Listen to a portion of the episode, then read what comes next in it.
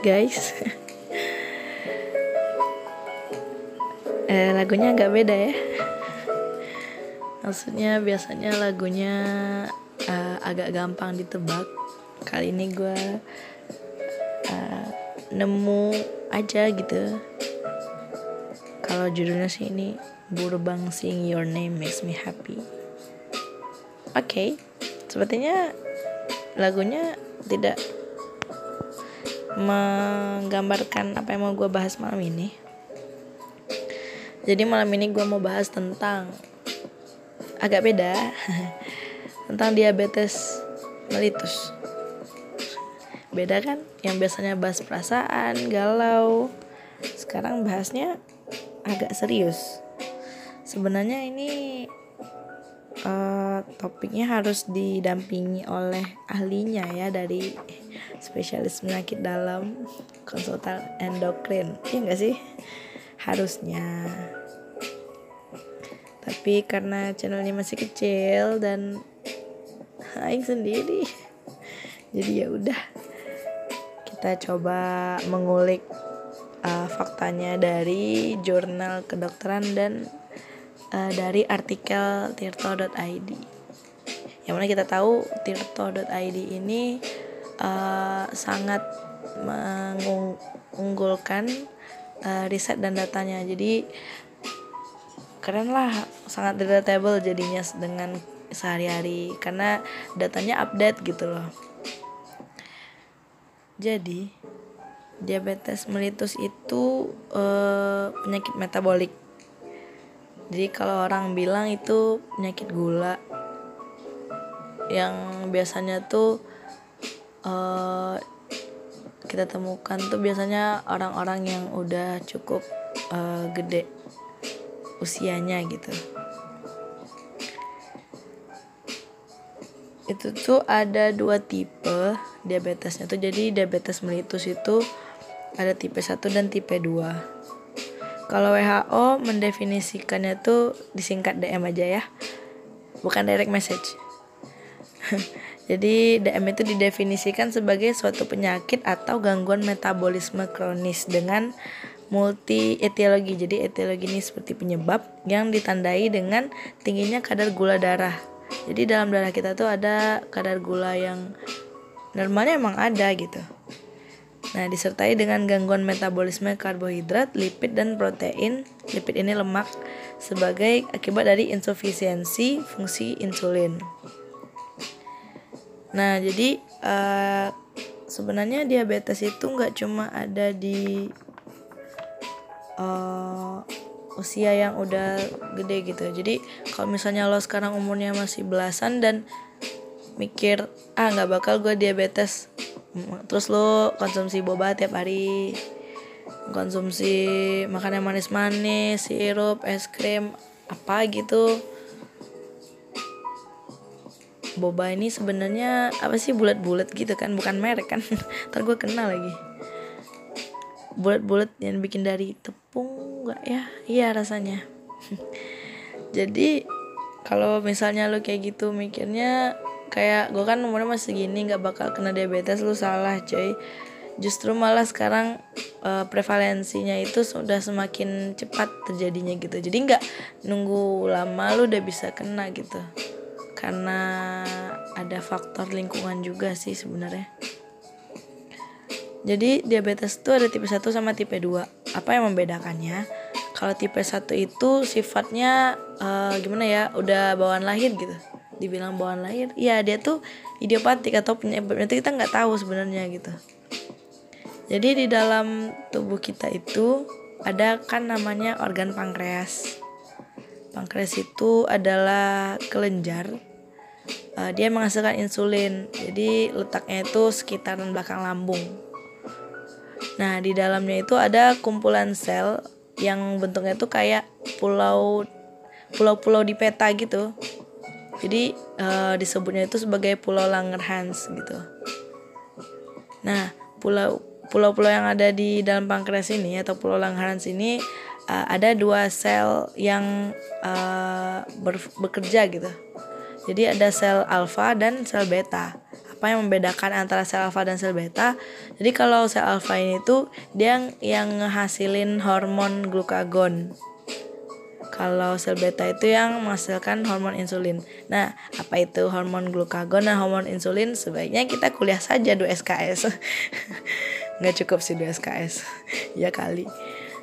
Jadi uh, kedua hormon ini meskipun dia itu kerjanya bareng di satu tempat, dia itu uh, kerjanya berlawanan gitu.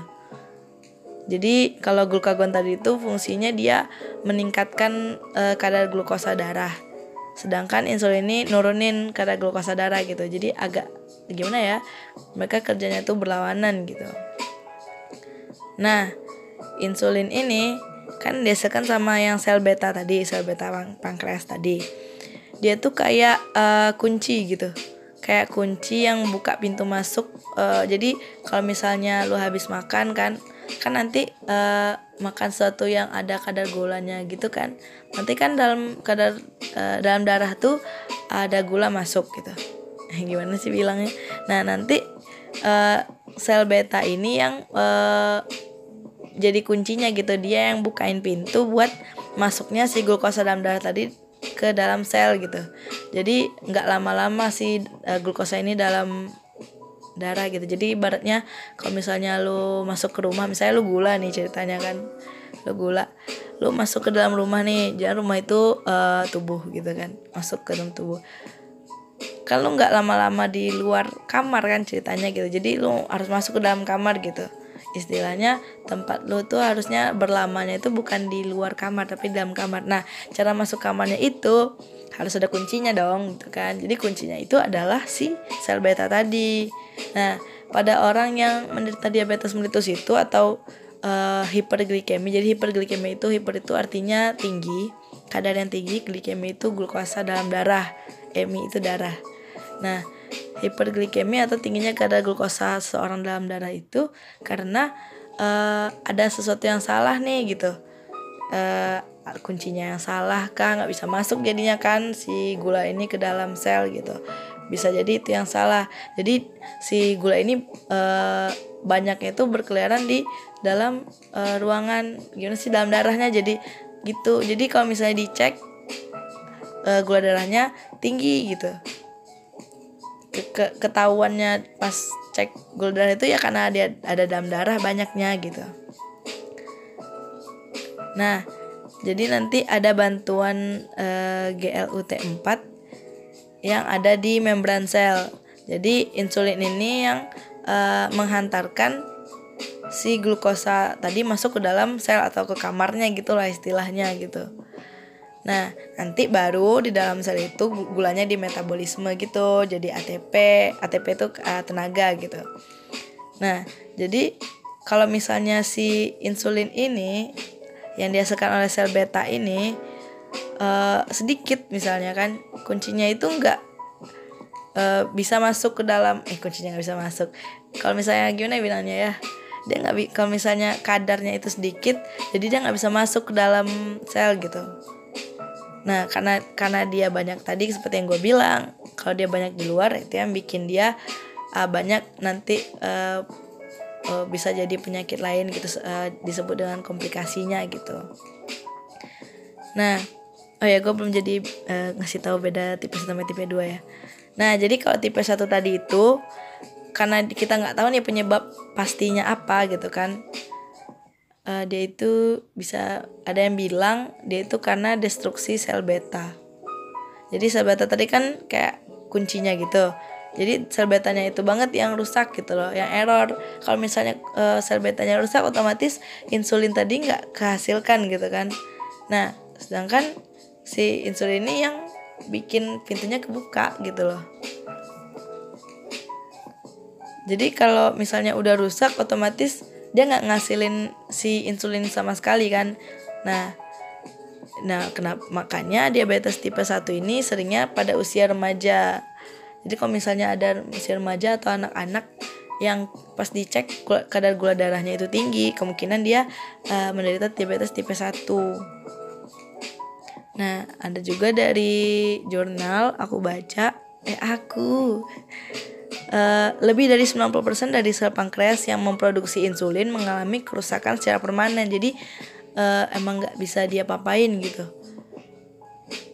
Cuman sekitar 10% dari semua penderita DM tipe 1 gitu. Jadi nggak semuanya penderita DM ini juga yang tipe 1 gitu. Cuman dari 100 orang yang mengalami DM, 10 orangnya itu tipe 1 gitu. Gitulah uh, apa sih uh, perumpamaannya gitu. Uh, tapi ada juga ilmuwan yang uh, percaya bahwa faktor lingkungan jadi penyebabnya gitu. Jadi yang tipe satu ini misalnya kayak infeksi virus atau uh, faktor gizi yang bikin penghancuran sel penghasil insulin ini gitu. Jadi ada yang bikin si sel beta ini rusak gitu. Jadi uh, dianya nggak bisa masukkan sama sekali gitu. Nah, kalau yang tipe 2 itu yang uh, yang sering terjadi pada usia yang sudah cukup dewasa. Nah dia tuh relatif kalau ini, eh bukan relatif apa sih bervariasi, bervariasi. Ada yang uh, terutama dominan resistensi insulin disertai defisiensi in, uh, insulin relatif sampai yang terutama defek sekresi insulin disertai resistensi insulin. Bingung kan? Nah, gue juga awalnya. nah, kalau tipe, tipe satu tadi kan uh, ada rusak di pankreasnya. Kalau ini tuh nggak ada rusak di pankreas uh, insulinnya itu si sel beta tadi tetap bisa ngasilin kunci. Cuman kadang uh, nggak nggak nggak gimana bilangnya? Nggak nggak manut lagi resisten gitu nggak peka lagi gitu. Jadi se sebanyak apa pun insulinnya justru malah insulinnya nih kadang banyak tinggi kadarnya kadang. Cuman kayak nggak di eh, nggak dipedulin aja gitu gitu. Jadi kadang kalau yang sat, tipe satu tadi insulinnya nggak ada yang ini ada. Cuman kayak nggak nggak kayak dicuekin aja gitu. Jadi kayak nggak cukup aja untuk uh, mengatasi keadaan hiperglikemi tadi gitu. Tapi ada juga diabetes tipe lain selain yang tipe 1 sampai tipe 2 nih. Uh, misalnya itu karena ini berdasarkan etiologinya sih sebenarnya misalnya uh, adanya defek genetik fungsi sel betanya sendiri atau karena ada defek genetik dari kerja insulinnya insulinnya error atau gimana gitu kan. Atau ada penyakit uh, penyakit seperti pankreatitis pankreatitis itu radang pankreas atau ada tumor di pankreasnya. Terus bisa juga karena ada penyakit uh, endokrinopati jadi ada penyakit di kelenjar endokrinnya seperti uh, hipertiroid. Jadi hipertiroid itu kelenjar tiroidnya yang ada di area leher ini membesar gitu. Yang bisa mempengaruhi kerja si uh, organ endokrin yang pankreas ini gitu. Dan ada beberapa yang lain. Bisa juga karena obat atau zat kimia. Bisa juga karena uh, glukokortikoid. Terus uh, tapi diabetes nih ada juga yang agak khasnya itu kalau misalnya uh, pada ibu hamil. Jadi namanya diabetes mellitus gestasional. Jadi dia itu uh, munculnya cuman pas uh, si ibu ini hamil. Jadi anak yang taruh udah lahir tuh nggak apa-apa lagi, nggak nggak tinggi lagi kadar gula darahnya gitu. Itu tuh karena ada intoleransi glukosa pada saat si ibu ini hamil gitu. Jadi si plasenta itu dia sifatnya uh, meningkatkan anti insulin jadinya fungsinya tuh jadi nggak seperti seharusnya seperti seharusnya. Hmm, terus tadi uh, eh, gue juga ada baca yang dari artikelnya tirto.id um, jadi dia itu bilang ini lebih ke apa ya prevalensi bisa sih jadi dalam catatan Kementerian Kesehatan pada tahun 2015 Indonesia berada di urutan ketujuh dunia untuk prevalensi penderita diabetes dengan jumlah estimasi orang diperkirakan mencapai 10 juta jiwa. Eh gila banyak banget. Terus Jumlah ini terus mengalami peningkatan. Data menunjukkan ada 5,7% penderita, lalu pada 2013 mengalami peningkatan menjadi 6,9%. Cepet juga ya. Nih, dua dari tiga orang di Indonesia juga tidak mengetahui dirinya jika menderita diabetes dan berpotensi mengakses layanan kesehatan dalam kondisi terlambat. Jadi uh, seringnya orang-orang yang mengalami diabetes nih eh, nggak uh, sadar kalau misalnya dia itu sebenarnya kadar, gula darahnya itu tinggi. Jadi agak telat dia itu baru taunya, baru sadarnya gitu. Uh, terus uh, ada yang namanya IDF. Jadi IDF itu organisasi International Diabetes Federation.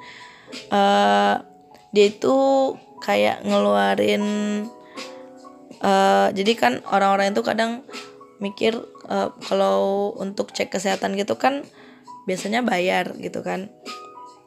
Cek uh, gula, kadar gula darah cek tensi gitu-gitu. Tensi biasanya gratis sih.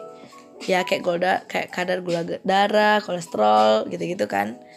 Jadi tingkat uh, apa sih aware apa sih tingkat kesadaran orang-orang ini terhadap apa yang dia derita itu agak minim. Nah jadi karena alasan-alasan tersebut si si lagi uh, IDF ini atau International Diabetes Federation ini uh, nyuruh mendesak apa sih nyuruh menyarankan ya. Jadi ada di uh, situs online ada tes uh, dan penilaian online untuk skor risiko diabetes gitu. Jadi uh, kalau misalnya buka link di uh, IDF ini I, kalau nggak salah tadi linknya idf.org gitu deh. Nah, nanti uh, nanti di situ tuh ada kayak jadi kita tuh bisa uh, ngedeteksi secara online gimana ya bilangnya. Jadi nanti kita tuh kayak di ngisi form gitu. Kayak ngisi form kita itu jadi nanti ditanyain beberapa hal gitu. Nih, idf.org. Jadi judulnya Test to Prevent Know Your Risk of Type 2 Diabetes. Diabetes, diabetes gimana sih? Ya. IDF has created an online diabetes risk assessment which aims to predict an individual's risk of developing type 2 diabetes within the next 10 years. Jadi IDF ini bikin uh, assessment resiko seseorang bisa terkena diabetes. Uh, meskipun ini enggak dengan ngecek kadar gula darahnya gitu kan tapi ini sebagai uh, untuk meningkatkan kesadaran orang-orang gitu. Jadi dia ini untuk memprediksi secara awam ya kayak nanya beberapa hal yang berhubungan dengan faktor risiko gitu kan. Dengan kejadian uh, diabetes tipe 2 pada seorang untuk 10 tahun ke depan gitu. Nah, jadi uh, misalnya coba nih start now. Jadi dia ada beberapa pertanyaan. Jadi yang pertama yang yang dia tanya itu adalah age atau umur umur kita apakah di bawah 45 tahun. Karena uh, salah satu faktor risikonya lagi itu karena berhubungan dengan uh, epidemiologinya juga. Jadi diabetes mellitus ini sering terjadi itu pada usia uh, di atas 45 tahun deh kalau nggak salah. Jadi ditanyanya di sini ada empat pilihan ada under 45 45 kan bener kan? 45 tahun 45 sampai 54 tahun 55 sampai 64 tahun dan uh, di atas 64 tahun. Kayaknya semakin tinggi usia semakin berisiko kan? Karena gue di bawah 45 oke okay, next. Terus nanti pertanyaan kedua itu adalah body mass index. Body mass index BMI atau bahasa Indonesia itu indeks massa tubuh. Jadi uh, ini tuh lebih ke mau lihat jadi itu nanti ada perbandingan antara tinggi dan uh, berat badan. Hmm, jadi di sini ada uh, kolom uh, tinggi dalam sentimeter. Gue isi deh. Terus uh, berat dalam kilogram. Nah nanti dia langsung ngasih tahu langsung ngitungin berapa uh, indeks massa tubuhnya gitu.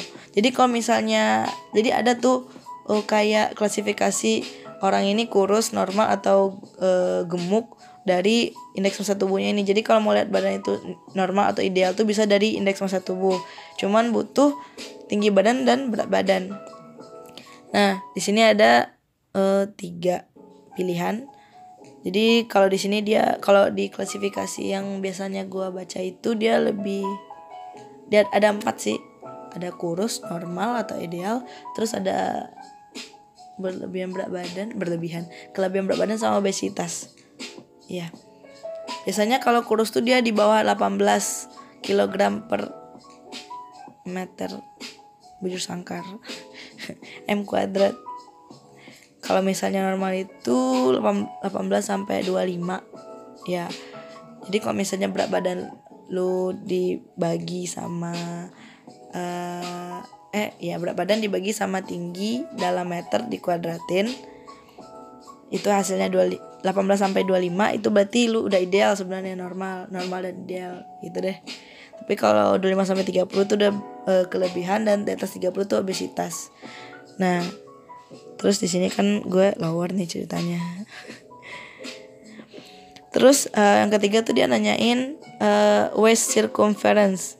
Jadi ngitungin eh ngukurin uh, lingkar perut. Ya lingkar lingkar perut apa iya nggak sih? Jadi uh, kayak pakai kayak lingkar pakai meteran gitu nggak sih biasanya? Jadi kalau cowok sama cewek itu beda standarnya. Kalau cewek kalau cewek itu biasanya di atas dikatakan obesitas sentral. Jadi obesitas obesitas sentral itu kalau dia itu gendut gini sih buncit gitu. Kalau cewek itu di atas 80 cm kalau cowok di atas 90 cm iya cm kan iya. Terus uh, kalau iko musiknya mati nyebelin. Uh, jadi kalau misalnya cewek kalau cewek itu di sini gue ngulang-ngulang ngomongnya. Eh, ada kecil dari 80, 80 sampai 88 dan lebih dari 88 cm. Kalau cowok di sini dia lebih ke kecil dari 94, 94 sampai 102 dan more than 102. Karena gue di bawah 80. Oke. Okay. Nih, pertanyaan keempatnya, do you usually do at least 30 minutes of daily physical activity at work and or during leisure time? Jadi apakah lu dalam sehari itu biasanya ada 30 menit tuh kayak aktivitas fisik gitu. Misalnya lu ada e, ngelakuin sesuatu yang rutin setiap hari yang itu tuh bikin lo bergerak gitu. Lebih ke aktivitas fisik kan bener. Nah, terus yes or no. Jadi kalau ada bikin iya. Pertanyaan selanjutnya adalah how often do you eat vegetables, fruit or berries? Jadi seberapa sering lu makan sayur nama buah-buahan pilihannya ada dua everyday sama not everyday gue rasa sih semua orang hampir setiap hari ya meskipun dalam jumlah yang tidak banyak Pertanyaan selanjutnya, have you ever taken medication for high blood pressure on a regular basis? Jadi, apakah lu itu ada pernah konsumsi obat untuk tekanan darah tinggi? Misalnya lu pernah cek tekanan darah terus tinggi. Sebenarnya tekanan darah itu multifaktorial ya banyak yang mempengaruhi lu stres aja tekanan darah naik tapi pernah nggak lu sampai konsumsi obat gitu loh? Kalau gue sih no ya. Terus have you ever been found to have high blood glucose? Jadi apa lu pernah uh, cek gula kadar gula darah terus um, terus dibilang kalau hasilnya tinggi. Ya di pemeriksaan fisik kalau misalnya iya bikin iya. Kalau nggak bikin enggak gue sih enggak terus uh, yang pertanyaan ke delapan kayak 10 deh.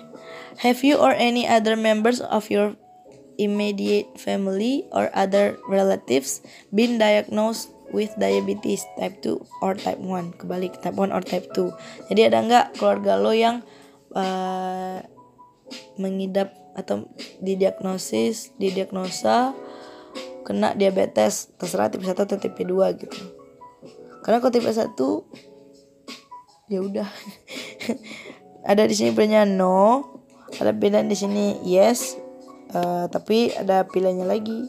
Kalau yes itu apakah nenek atau kakek atau tante atau om paman bibi atau sepupu kalau yang ya satu lagi itu lebih uh, deket hubungannya sama lu. Jadi kayak orang tua saudara laki-laki atau saudara perempuan atau anak lu. Gue sih ada ya. Oh 8 deh pertanyaannya. Nah nanti dia ngasih tahu skornya gitu. Ada skornya kalau gue nggak tahu sih skornya dari berapa sampai berapa tapi dia ntar bakal kasih tahu uh, misalnya skor lo dapat tiga nanti dia bilang low. Jadi uh, peluang lo bakal kena diabetes dalam 10 tahun ke depan. Menurut dia menurut perkiraan dia prediksi dia itu low.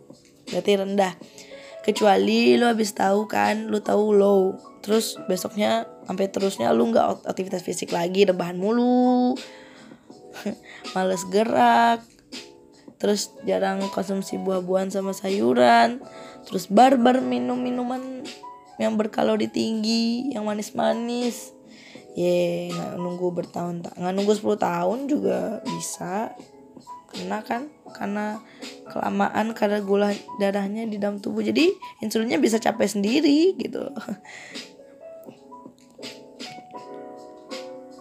Nih dia bilang eh, gue translate langsung aja lu nggak bisa mengubah apa pun kalau misalnya berhubungan dengan usia dan uh, faktor psikogenetik. Jadi kan tadi ada ditanya usia sama apakah di keluarga lu ada yang uh, punya uh, riwayat menderita diabetes mellitus nah lu nggak bisa ubah kan kalau faktanya itu gitu nah tapi kalau misalnya kayak uh, overweight misalnya lu tadinya berat badannya berlebih atau obesitas atau yang misalnya tadi lu dapat uh, indeks massa tubuhnya lebih dari 25 atau 30 misalnya kan itu kan obesitas. Nah, kalau itu misalnya lu tadi dapatnya itu terus atau misalnya lingkar perut lu tadi lebih dari yang seharusnya berarti lu kan obesitas sentral atau lu itu lifestylenya itu biasanya emang kurang gerak gitu. Jadi aktivitas aktivitas fisik lu sehari-hari itu emang nggak nggak gerak-gerak amat lah banyak bahannya gitu kan. Atau kebiasaan makan lo emang yang suka yang manis-manis atau yang tiap hari tuh lu wajib banget minum apa misalnya uh, yang manis-manis gitu. Kalau di tinggi gue takut kesebut merek nih. Atau lo ngerokok. Ya di sini dia gak bilang sih are up to you dia bilang terserah lu gitu. soalnya itu adalah bisa diubah gitu. Kebiasaan-kebiasaan atau faktor risiko yang barusan gue bilang tuh bisa diubah. Lu bisa nurunin berat badan bisa aktivitas fisik lebih bisa stop merokok meskipun susah sih uh, bisa nambah konsumsi. Kalau misalnya lu uh, sehari itu lebih banyak uh, makannya kayak hmm, minum-minuman yang berkalori tinggi yang manis-manis gulanya banyak makanan apa gitu kan misalnya bisa lu ganti perlahan dengan makan buah sama sayur gitu. Tapi buahnya kalau lu misalnya biasa bisanya buahnya itu jus ya jangan banyak banyak gulanya. Gulanya begitu manis aja udah gitu. Kalau udah manis juga. Batu gue. Terus apalagi nih dia bilang ya? Hmm, itu aja sih kayaknya jadi nanti ini nih bisa kayak misalnya gunanya tes online ini sebenarnya untuk membuat lu aware aja sih kalau misalnya lu dapat skornya agak tinggi lu lebih ke oke okay, gue harus ubah nih gitu. Kalau misalnya rendah ya jangan songong juga mentang-mentang gue rendah ya udah gue babar babar barbar aja bodo amat gitu nggak gitu juga. Lebih ke ya sebenarnya podcast gue ini lebih ke sok tahu nggak sih sebenarnya? Jadi sebenarnya gejalanya itu apa sih tanda-tanda kalau misalnya lu uh, mengalami diabetes mellitus ini adalah jadi dia tuh ada trias klasik. Apa sih? Kayak ada tiga tanda yang biasanya ada nih di penderita ini gitu. Yaitu ada poliuri polidipsi dan polifagi poliuri ini banyak uh, buang air kecil jadi sering gitu. Kalau polidipsi ih gue agak lupa sih sebenarnya. Kalau polifagi polifagi itu banyak makan. Nah ya polifagi banyak makan polidipsi banyak minum. Iya. Jadi orang-orang yang uh, mengalami diabetes itu dia ada si poli poli tadi. Jadi dia itu kalau misalnya poliuri dia sering buang air kecil dengan volumenya yang banyak gitu. Apalagi malam.